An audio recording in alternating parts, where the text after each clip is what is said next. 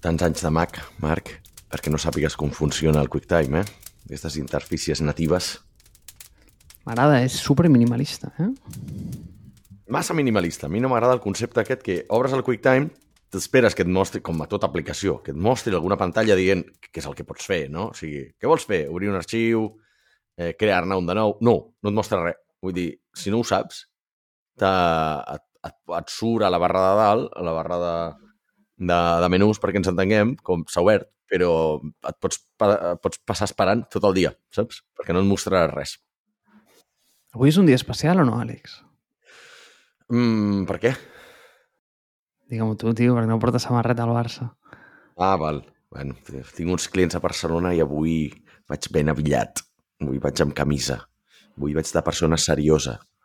Però tranquil, tranquil. Ja tornaran les samarretes del Barça, tu tranquil.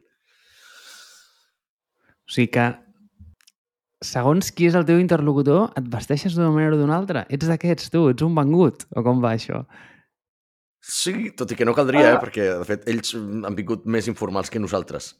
Vull dir que, que en aquest sentit, eh, home, sí que, segons a qui vagi a veure, poso, no vaig potser amb samarretes de Cannibal Corps, saps? Vull dir, o amb samarreta del Barça per fer una reunió de feina, doncs home, doncs potser ho trobo una miqueta fora de lloc. Eh, sí, hi ha moltíssima confiança, hi ha molts clients amb els que sóc amic i ja és igual, és igual com, com, com si vull anar amb banyador i amb samarreta de tirants, saps? Però, per lo general, quan hi ha gent que no... o que conec poc, o que no conec, o ve un jefazo i... Bueno, una camisa no està de més. Però no molt més, eh? Tranquil, que no molt més. A veure, noi, o sigui, t'ho deia en broma, o sigui, ets la persona que penso que li importa menys el que pensin d'ell que jo conec, mm, però... Bastant aquesta... poc. T'he que aquesta camisa negra, tio, et queda bé, tio. M'estàs agradant well. bastant. Malgrat et diré A que no és veure. especial per això. Tio, és especial perquè aquest és el 40, nen. El 40. Ja portem Ma- 40. Me cago en Déu clavat a la creu, Marc. Són 40. Portem aguantant-nos 40 episodis ja? Hòstia puta. Bueno. De què parlem avui? Mira, per ser el 40 ho farem diferent, ¿vale? Val. I jo et tiraré tres idees. Pa, pa, pa. I tranquil, tranquil, tranquil. Són idees que estan alineades amb el que hem dit que parlarem, val? perquè eh, fins fa poc l'Àlex es pensava que avui parlaríem de un model antagònic entre què ha passat en Patagònia, que per qui mm, estigui a la, en una figuera i no hagi baixat fins avui, eh, bàsicament el seu fundador eh, ha fet una donació i, i ha donat pràcticament la, la totalitat de la companyia. I el que ha passat amb Figma, que que també haguessin estat en una figuera, que no sé si una parra en català està ben dit o no, però, bueno, la, una figuera m'agrada també. Els que venen de l'hort. Els que venen de l'hort, sí, com despistats, perquè han anat a collir tomàquets i, i, i han dit, hòstia, han comprat a Figma per 20, per 20 melons. Doncs pues mira, pues sí, pues, eh, pues els han comprat. Llavors, jo li volia com anteposar aquests dos models, però li tiraré un tercer. Vale? I en lloc de com discutir, no, doncs mira, millor eh, ser una empresa privada i ser com eh, una almita de la caritat i, eh, i donar-la a la caritat eh, versus, oh, no, mm, és millor ser super greedy i mm, eh, vendre la teva companyia per 20, bi- per 20 billions o bla, bla. No, no farem això. El que tenim, tenim aquestes tres idees, que la primera, evidentment, és Figma sent adquirida per, eh, per Adobe, per 20 bilions. Per altra banda, model antagònic tens a Patagònia, anant, mm, sent una companyia privada que sempre s'ha mantingut privada i que sobre el seu fundador ha donat la totalitat, t'hi cagues, eh? eh del, de l'ownership a, a una organització sense ànim de lucre i que companyies que ja eren, anem a dir com tecnològiques més madures, que ja havien escalat més, digue-li Facebook, digue-li Zoom... A dia d'avui, i no ho he mirat avui, eh? però aprox, crec que no m'equivocaré de gaire. Amb el que va d'any, És a dir, des que ha començat el 2022, han perdut més del 60% de la seva valoració. És una borrada, això, eh? És animal. Eh, I sobretot amb companyies madures com Facebook, que jo crec que podia haver arribat a estar entre les cinc companyies més valuoses del món, fàcil. Llavors, donats aquests tres models, tio, tu què en penses de tot plegat, Àlex? Perquè saps què passa? És que a vegades em dóna la sensació com que mai estem en desacord. I però a vegades també penso com, hòstia, què en pensarà l'Àlex d'això? I tenia com aquestes tres idees i pensava, quan jo et dic això, què et ve al cap? Com respires? Em va bé que em preguntis això i que em canvies una miqueta l'angle d'episodi, perquè avui he fet un, un exercici conscient que és el de no preparar-me l'episodi, perquè, tot i que tenia temps, portava dos o tres episodis preparant-m'ho i dic, mmm, no, saps què? Tornem, tornem als orígens. El de l'Àlex completament desinformat i, i que ho improvisa, no?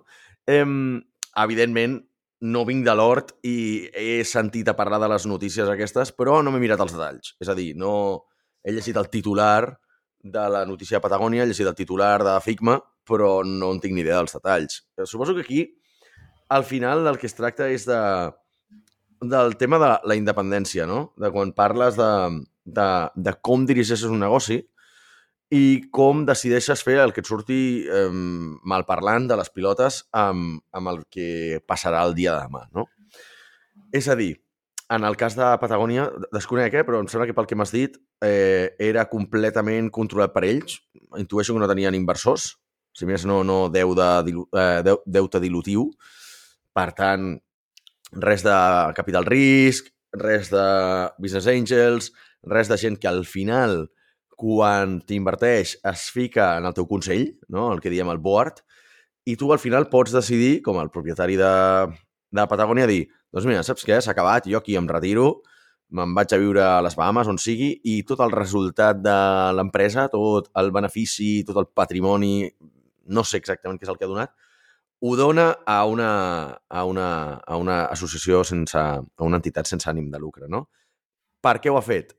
Pues, t'ho diré ben clar, perquè pot fer-ho. No?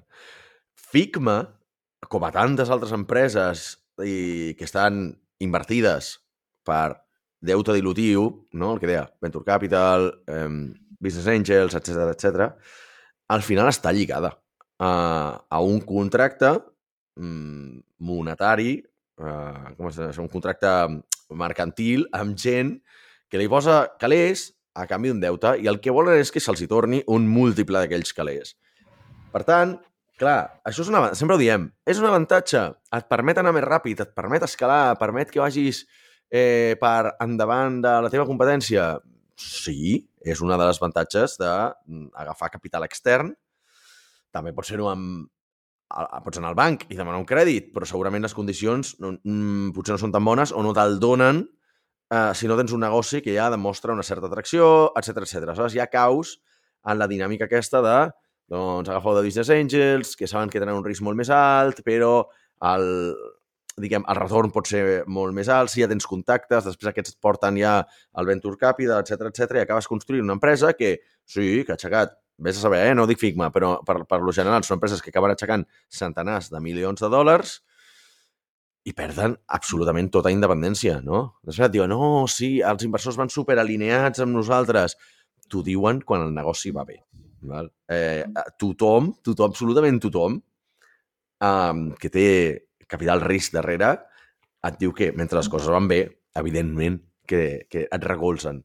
Però el dia que les coses no van bé, el Venture Capital de torn, els fons d'inversió, eh, ja saben que et deixen caure. A, a la que detecten que tu ja no saps l'empresa 1 de 20 del seu fons d'inversió que ha de retornar al fons, que ha de portar aquest múltiple, diuen, aquesta empresa ja hem de deixar recolzar-la, focalitzem-nos amb les dos o tres que van bé, que poden retornar al fons, i aquestes les deixem caure, les altres.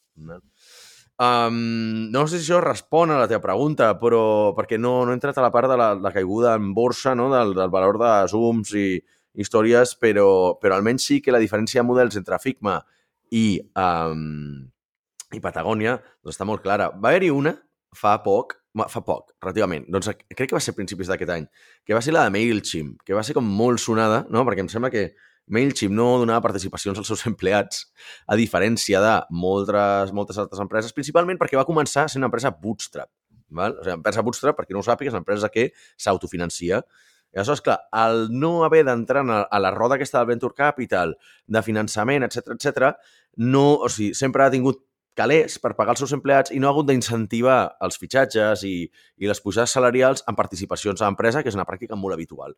Per tant, quan van arribar ja, mm, el tema de la venda d'empresa, va passar que la gent no tenia participacions i que van dir, hòstia, comparat amb la, totes les altres startups, aquí la gent ha perdut, ha deixat de guanyar molts diners, no?, els, els empleats. I hòstia, que cabrons, els de MailChimp. Cabrons, no. O sigui, si no ho has necessitat, jo, jo crec que al contrari.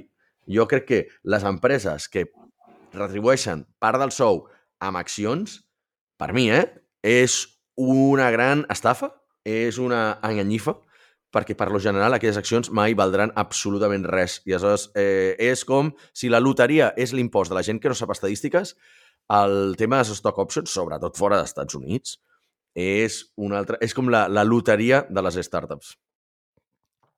Clar, mira, és que m'has posat un molt bo, un exemple molt bo, que és el de, que és el de MailChimp, perquè a mi em recorda molt el de One Password, també. Com aquests tools que al principi estaven molt bootstrap, però, hòstia, nen, és que després enganxen i... Tio, la de One Password va ser boja, però boja. Que dius, hòstia, tio, ets un B2B que guarda contrasenyes. Eh, que dius, tela. Llavors, o sigui, on, on, o sigui, quin és el punt que intentàvem fer aquí? És, ostres, hi ha moltes maneres de construir una companyia i d'escalar-la, però sembla que totes aquestes tecnològiques en algun moment és, hòstia, si no ho faig jo, ho farà l'altre. I si ho fa l'altre, eh, tindré, tindré un problema, no?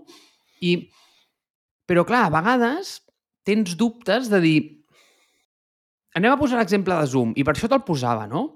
Perquè si ets molt pragmàtic, des d'un punt de vista d'utilitat, el concepte, el, els dos conceptes, el de Figma i el de Zoom, són extremadament disruptius, no? Vull dir, per exemple, Figma el que, tio, el, el seu assumption és, mira, jo em carrego eh, l'arxiu com a tal, és a dir, eh, el, el file, el .psd, que és un cunyàs. És a dir, a mi, per exemple, cada vegada que algú... És que jo amb els PSDs no treballo molt, però cada vegada que algú m'envia un...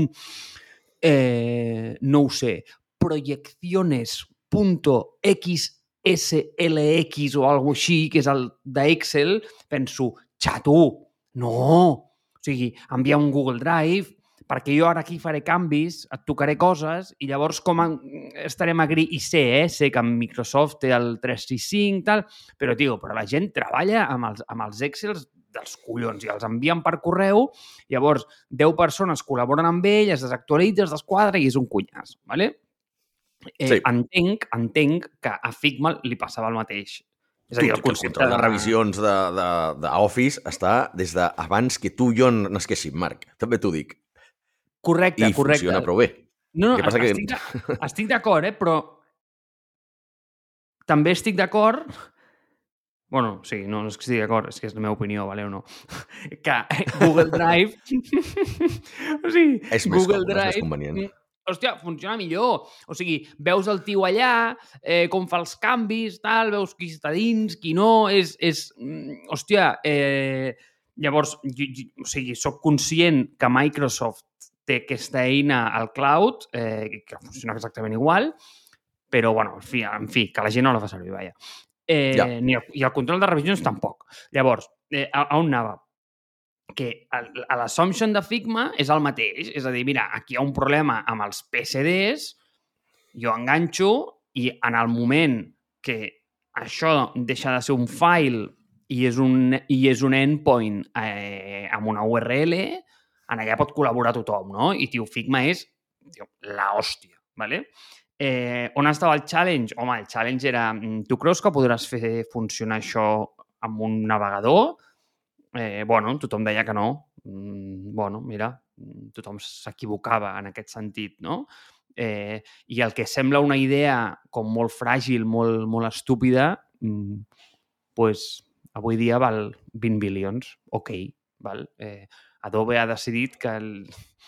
és més fàcil pagar 20 bilions a aquests tios que no que, com et diria, eh, que els mengin la torrada, val? Eh, o alguna així. Eh, també et dic, també et dic, i props per Adobe, que, hòstia, és un, és un model d'èxit acollonant, en el sentit de que, ostres, Adobe era, era una companyia que tot el seu suite de productes el tenia com a arxius i ha fet una, un gir a la subscripció acollonant. És a dir, eh, és, és brutal el que ha aconseguit amb Creative Cloud. Però, i, i aquí acabo el meu punt, eh, i perdó que m'he anat una mica llarg, és en quin moment, en quin moment Zoom tenia un valuation molt per sobre d'això, enmig d'una pandèmia, quan absolutament tothom veia que tenia un producte que era eh, in, o sigui, no diferenciat, però és que a sobre era literalment un tool de, de no ho sé, vull dir, d'un suite com el de Google, com el de un offering com el de Microsoft o, o el que sigui. És a dir, mm, fins aquí, Àlex. Mm, sí, sembla que tothom s'ha pujat al, al, al carro de dir ostres, mira Figma, que bé, és el gran contraexemple de, de que no has de construir mai coses que ja estiguin en un mercat saturat, no? Hòstia, no necessitem una altra eina que faci això, ja hi ha un gran incumbent com és Adobe, ja hi ha... El mateix segurament va passar per Zoom. Vull dir, jo, eh, quan veig quan parles amb grans corporacions, i jo que treballo amb grans corporacions a diària, al final, la majoria d'elles segueixen treballant amb puto Webex. Vull dir, Apple, la mateixa Apple, que podia haver fet FaceTime for Business, que podia haver fet alguna eina interna, perquè és Apple al final. Treballa amb Webex. Val? No treballa amb Zoom, no treballa, evidentment, amb Google Meet, no treballa amb cap altra merda, treballa amb el puto Webex de tota la vida, que aquest sí, Marc, que quan tu i jo vam començar a treballar ja existia. Eh, que... Mira, el, el tema de Zoom és curiós. Eh, crec que tothom estava, estava d'acord en que les valoracions durant la pandèmia es van inflar i tothom sabia que era una bombolla, no? Quan ja vam invertir amb, amb les accions de tota aquesta empresa, sabíem que era una bombolla, però d'altra banda, eh, crec que tothom sap que el mercat de tecnologia és un mercat alcista i que creixerà. Tindrà les seves davallades, però creixerà. O sigui, és un mercat que ja mai es tornarà a fer petit. Val? Per tant, invertir en tecnologies, invertir en futur, hòstia, sona molt a Engel en Volkers, no? Això, saps? Dir, sona a aquells dos cocainòmens que van sortir a, a Plazo Fijo. Um, però vull dir, invertir en tecnologies futur, no? Aleshores, Zoom, curiosament, eh, l'empresa d'un amic meu va estar a punt de ser comprada per Zoom el dia abans que l'estoc de Zoom caigués en picat i el deal se'n va anar a la merda. Però hauria venut a Zoom i una quantitat molt raonable. Um, però, en aquest sentit, vull dir que jo crec que les valoracions de Zoom i de totes aquestes tornen a pujar, ho, tinc, ho tinc claríssim, perquè ara segurament doncs estem en recessió la gent té una miqueta de por, el que sigui, però la tecnologia tornarà a treure'ns d'aquestes coses. Val? Um, clar, com, com afecta això les valoracions de les empreses? Jo crec que Adobe, Adobe ha tingut, ha, o sigui, ha estat penjant d'un fil durant molts anys. Sigui, ha passat de ser un software estàndard, que era literalment la primera cosa que t'instal·laves a l'ordinador, o la segona, quan t'instal·laves, i tu ho hauràs fet, eh? que t'agafes un ordinador nou i el primer que havies de ficar doncs, potser el Messenger i el segon era a l'Adobe Acrobat Reader, perquè és que si no, no hi havia collons a obrir un arxiu PDF. Um, Photoshop, evidentment que tothom l'ha tingut piratejat i tot el que vulguis. I no sé les altres merdes que ha tingut Adobe, però hi ha fet, hi ha fet compres més o menys interessants durant els anys. Vull dir, si no recordo malament, va comprar Flash en el seu moment, que va ser una tecnologia que va funcionar durant un temps i després va ser una absoluta catàstrofe. Però, però jo sempre veia que Adobe seria com la gran empresa que acabaria desapareixent si no canviava absolutament tot el seu model de negoci, perquè el software propietari de llicència, eh, instal·lació, eh, el típic software que era de CD-ROM, perquè ens entenguem, havia de desaparèixer. Aleshores, clar, jo no he seguit, francament, eh, no he seguit l'evolució d'Adobe perquè des que tinc Mac no tinc ni un mm, producte d'Adobe instal·lat. Val? Aleshores, clar, són set anys que fa que no tinc Adobe i ni em, em sonava que hi havia un model de subscripció, però dic, d'alguna manera ells ja s'han intuït que, que això, la mort de l'arxiu com a tal ja estava aquí, el tema de les eines col·laboratives. Ja em sona que Photoshop té alguna cosa de, col·labor de col·laboració, eh? però jo crec que ha estat més uh, aquesta gent ens fagocitarà, els hem de comprar, i, i ens hem de convertir en un Figma. Mm. Crec que les coses van per aquí. O sigui, per què volia contraposar aquests models? Perquè al final del dia la pregunta que et vull fer, Àlex, és Diu, creus que a dia d'avui és possible, ara, tal i com estan les coses, i amb la quantitat de capital parat que hi ha eh, en el Venture Capital, que acabarà sortint. Tot, Absolutament. Tot aquest... Quan surti tot això, tu creus que i sabent... És a dir, això et donava el context, perdó, eh? això et donava el context, simplement et dient, uh -huh. en, un, en un món amb molta abundància de capital, és a dir, on hi ha com molta liquidesa, en el context aquest, creus que ja és possible escalar una companyia tecnològica com a tu t'agrada, eh, i, i, i perdó que hagi posat el, el com a tu t'agrada aquí, vull dir, com així bootstrap. El model bootstrap, vols dir? Sí, sí, sí. Sí, sí, sí, sí. Sí, sí i de la... Mira, et contesto una altra cosa abans. Crec que més que mai es segueix demostrant la idea aquella que eh, sempre pots muntar una cosa eh, en un mercat molt trillat. Val? Perquè si Figma ho ha demostrat ara, Google ho va demostrar a principi dels 2000, no? quan, quan van crear, ja havia 15.000 buscadors al mercat. I Google s'ha convertit en la en l'eina, o sigui, la pàgina d'internet Reddit, o sigui, una tecnologia per fer foros. Vull dir, és una empresa que val molta pasta. Seguiran sent els outliers, si tu vols, no? Les excepcions que confirmen la regla, el biaix de confirmació, biaix de confirmació de supervivència, etc etc. Però eh, també passa amb el...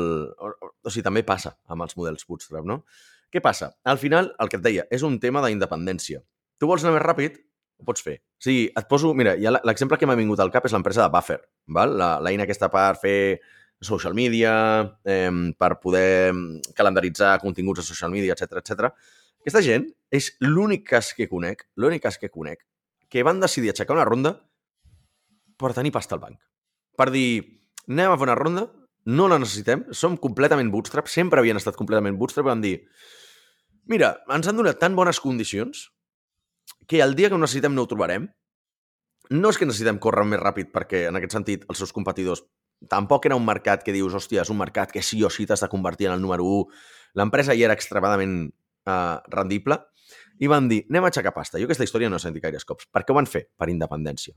Perquè no tenien inversors que els van dir, has d'aixecar pasta, perquè en l'estadi en el que estàs ara o creixes més ràpid o mai podràs retornar-me els calés que jo t'he ficat a dins, no? Figma crec que és més el cas de... o One Password, que has mencionat tu, eh? O...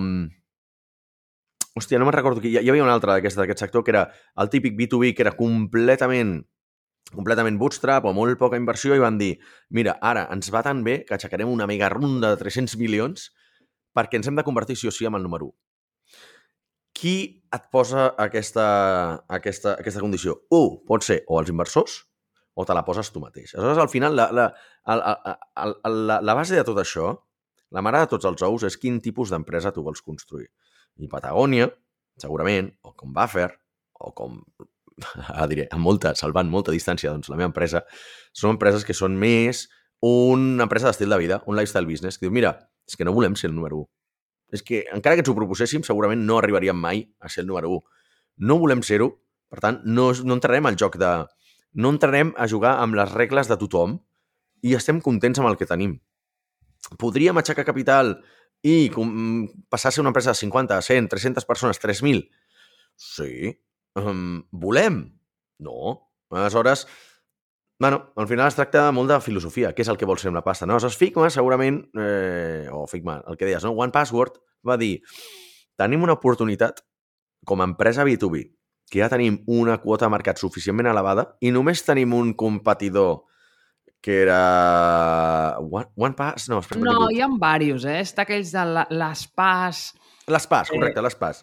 Però mm, van dir, està clar que tenim totes les de guanyar però per fer-ho ho hem de fer molt ràpid perquè, perquè tenim una sèrie de processos, tenim una sèrie d'avantatges, tal, tal, tal, i la, potser l'única manera és la de ara fotem a l'esprint. Saps com el, en, en, en, en maratons i en, i en curses d'aquestes que hi ha gent que es guarda les energies fins a l'últim tram, no? Inclús en ciclisme. Hi ha gent que va al pelotón i de cop volta veus que els últims 10 minuts o, 15, o 10 quilòmetres per dir alguna cosa, diuen, ara és quan vaig jo. M'he estat reservant les energies i ara foto l'esprint perquè veig tan clar que si faig l'esprint guanyaré, doncs en foten aquesta estratègia, no? I es perverteixen una miqueta el seu model, però poden aixecar una quantitat obscena de capital gràcies al, que, al que tenen amb unes condicions molt bones i diuen, ara sí que ens mengem el món. Però d'una altra manera no haurien arribat fins aquí, no? O sigui que d'alguna manera, gràcies a ser bootstrap i aquesta filosofia, eh, o molt més orientat a ventes i no inversió, han arribat a un punt en què poden aixecar una ronda que realment fan que no es dilueixin gaire, que no perdin eh, la governança de l'empresa, etc etc. i però només amb un objectiu clar, que és el de ser número 1 del mercat. I ha, després, totes aquestes altres empreses, doncs, com Buffer, que diuen no vull ser el número 1 del mercat.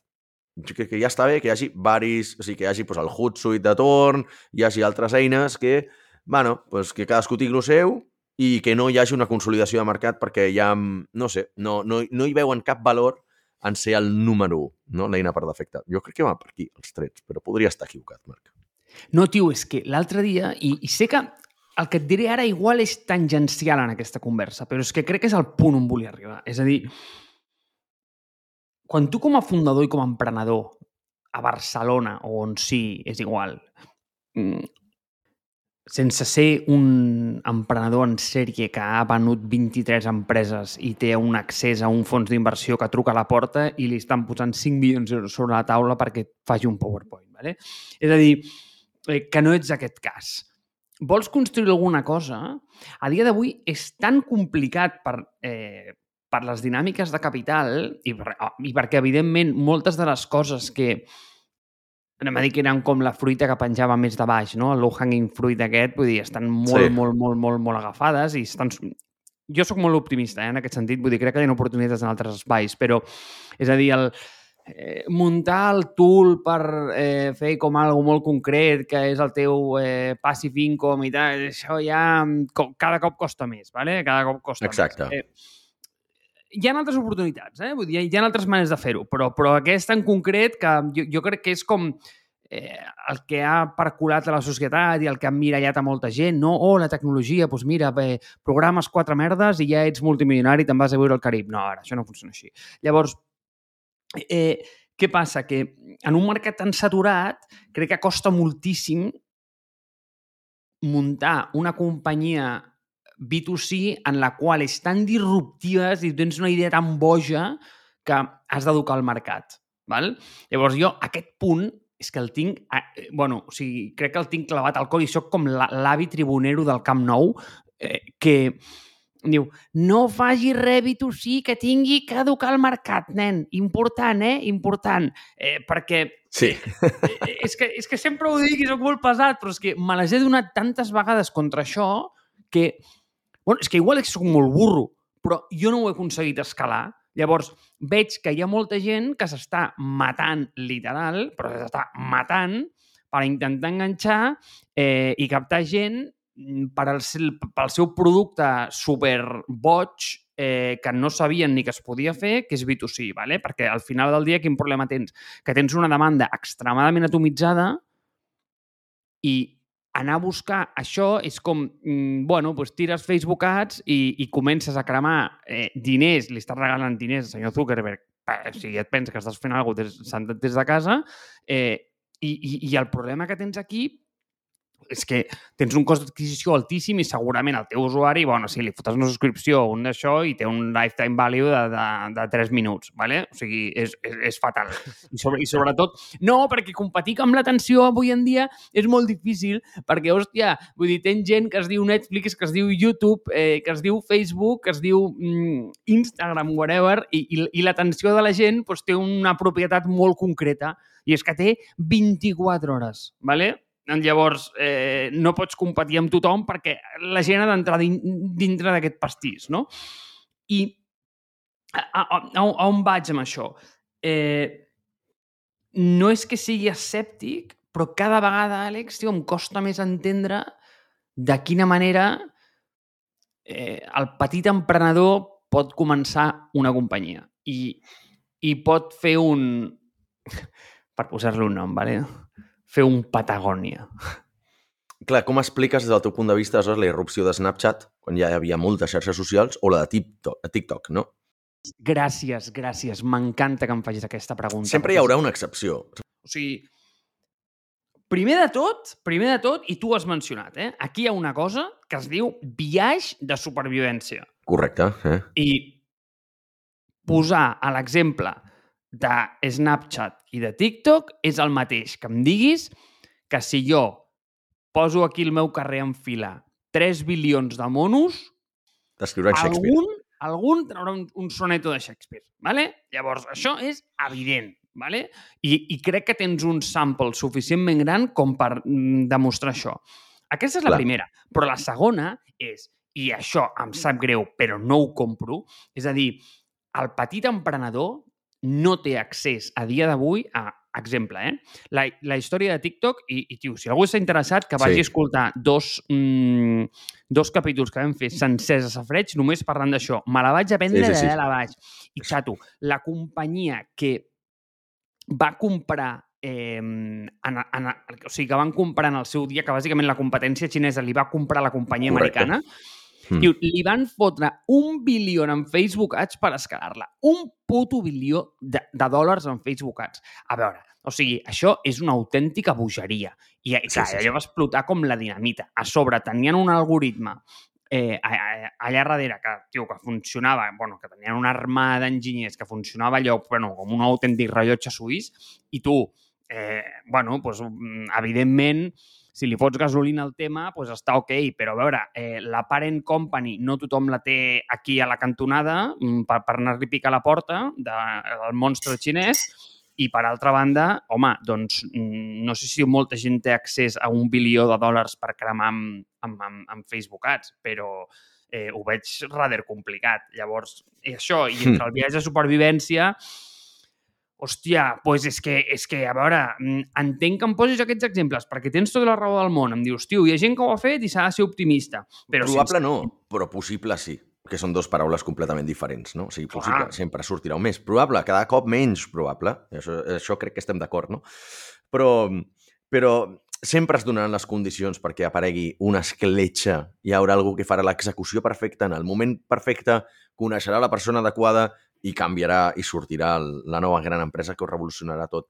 Però per què? Perquè segurament totes aquestes han aprofitat algun canal... O sigui, les grans innovacions sempre han vingut perquè han aprofitat un canal nou que abans no havia explotat ningú, ja sigui com en el seu moment va ser la viralitat o després van ser les empreses que han crescut a base de, de social ads o les empreses que van créixer a base de, a, de, a d'influencers, no? O sigui, sempre com una gran empresa que ha aparegut... Hòstia, no ens l'esperàvem que, que, que creixés per aquí. Clar, saps? Vull dir, tu, segurament tu estaves mirant per on venen els trens a la mateixa andana de sempre i, i et va venir un per una andana que no t'ho esperaves, no? En aquest sentit, sempre possible, sí, probable, cada cop menys. Um, malgrat tot, crec que és més possible en les condicions de mercat que hi ha avui en dia crear empreses completament bootstrap que empreses amb capital risc. Per què? Perquè al final les empreses bootstrap el que tirem és molt de ventes. I diguem que d'alguna manera, tot i que depèn del mercat, depèn de tu que entri diners a la companyia. Perquè si tu vens, et poses a vendre, al final hi ha una mètrica que et diu els ratis de, de conversió, i diu, de cada 100 clients que parlo, en converteixo dos. Llavors, si això ho pots repetir, no? Empresa capital risc, amb les condicions que hi ha, ja s'ha carregat una mica del mercat, s'ha carregat tant els inversors turistes, els venture capital turistes, no? els que només estaven aquí quan les condicions han estat bones i que al final veuen que, hòstia, no, replego veles i marxo perquè jo aquí no podré retornar el fons, i també els emprenedors turistes, que són aquests que van dir, hòstia, hi ha molta caix al mercat, és un bon moment per aixecar diners, ja, no amb un PowerPoint, però es gastaven alguna o feien un prototip amb no-code i acabaven aixecant alguna de pasta i qui més que menys és que fins i tot el més tonto acaba aixecant pasta. O sigui, he vist projectes com a inversor, eh? parlo com a inversor, he vist projectes d'autèntica merda, d'autèntica merda, que és que ningú els hauria d'haver invertit i que han aixec acabat aixecant pasta. Potser han passat dos anys o tres anys fent ronda, però algú t'acaba ficant, ficant pasta en un mercat alcista perquè, pel, pel FOMO, no? per la por de eh, deixar perdre, deixar passar alguna oportunitat i, hòstia, i si aquest en realitat ho, ho aconsegueix. I ara aquesta gent està replegant veles i està... Veuen, hòstia, això ja no és possible. Hi haurà menys emprenedors que aixequin pasta amb idees felices o que no tinguin la resiliència i la determinació necessària per aixecar capital en un mercat que cada cop es posarà més difícil, jo crec. Per tant, d'alguna manera s'està fent una mica de neteja eh, en aquest sentit, que crec que és bastant necessària també, perquè hi havia massa uh, projecte i molt poca qualitat. I s'estava donant diners als projectes equivocats, en, el meu, en la meva humil opinió. Què muntaries tu ara, Àlex? Jo no muntaria res més, tio. Jo no entenc la l'obsessió malaltissa dels, dels serial founders, no? els emprenedors en sèrie, que és com, hòstia, estic muntant... Ah, mira, avui he rebut uh, un contacte meu que va vendre una empresa, bueno, no ho diria per si de cas, a una gran empresa d'aquí de Barcelona i que diu, aquest mes m'acaba la permanència i estic muntant la segona empresa, mira't la ronda d'inversió, aquí tens el deck, tal, tal, tal. Bueno, el miraré, però dic, hòstia, és la tercera o quarta empresa que, com, eh, que, que crea i dic, joder, quins collons? O sigui, mira que tothom que aixeca pasta et diuen no, no, la segona empresa la faré bootstrap, no aixecaré capital, i acaben tornant-ho del capital perquè al final és un accelerador. Quan saben que tu ja tens la paella pel mànec perquè has creat diversos projectes, els, els inversors confien en tu, pots aixecar en molt bones condicions, diuen, puc muntar-ho bootstrap i trigaré dos anys a començar a fer alguna de pasta, o puc aixecar una rondeta de 110.000 pavos ara per, per muntar un prototip i fer un fitxatge, i potser en tres mesos ja estic facturant. Aleshores, clar, és suculent, no? És fruita madura, com deies tu. Jo ho tinc clar, tio. Tot el que he muntat sempre és Bootstrap i Déu no ho vulgui que hagi de muntar una altra cosa, perquè per mi seria no un fracàs, però per mi el gran èxit seria que Mars Based és l'empresa amb la que em retiro. Per tant, mm, si he de tornar a muntar alguna altra cosa, serà a, a, exactament amb el mateix model, el model de, de Bootstrap. Des del de confort de ser una persona de, de desenvolupament de negoci que sap que pot vendre i que pot trobar clients per, mm, per la cosa que decideixi muntar. No? Per tant, jo sempre, sempre, sempre, sempre, ja sonarà polític, eh? però és més del punt de vista de business, jo sempre, en aquest sentit, triaria independència.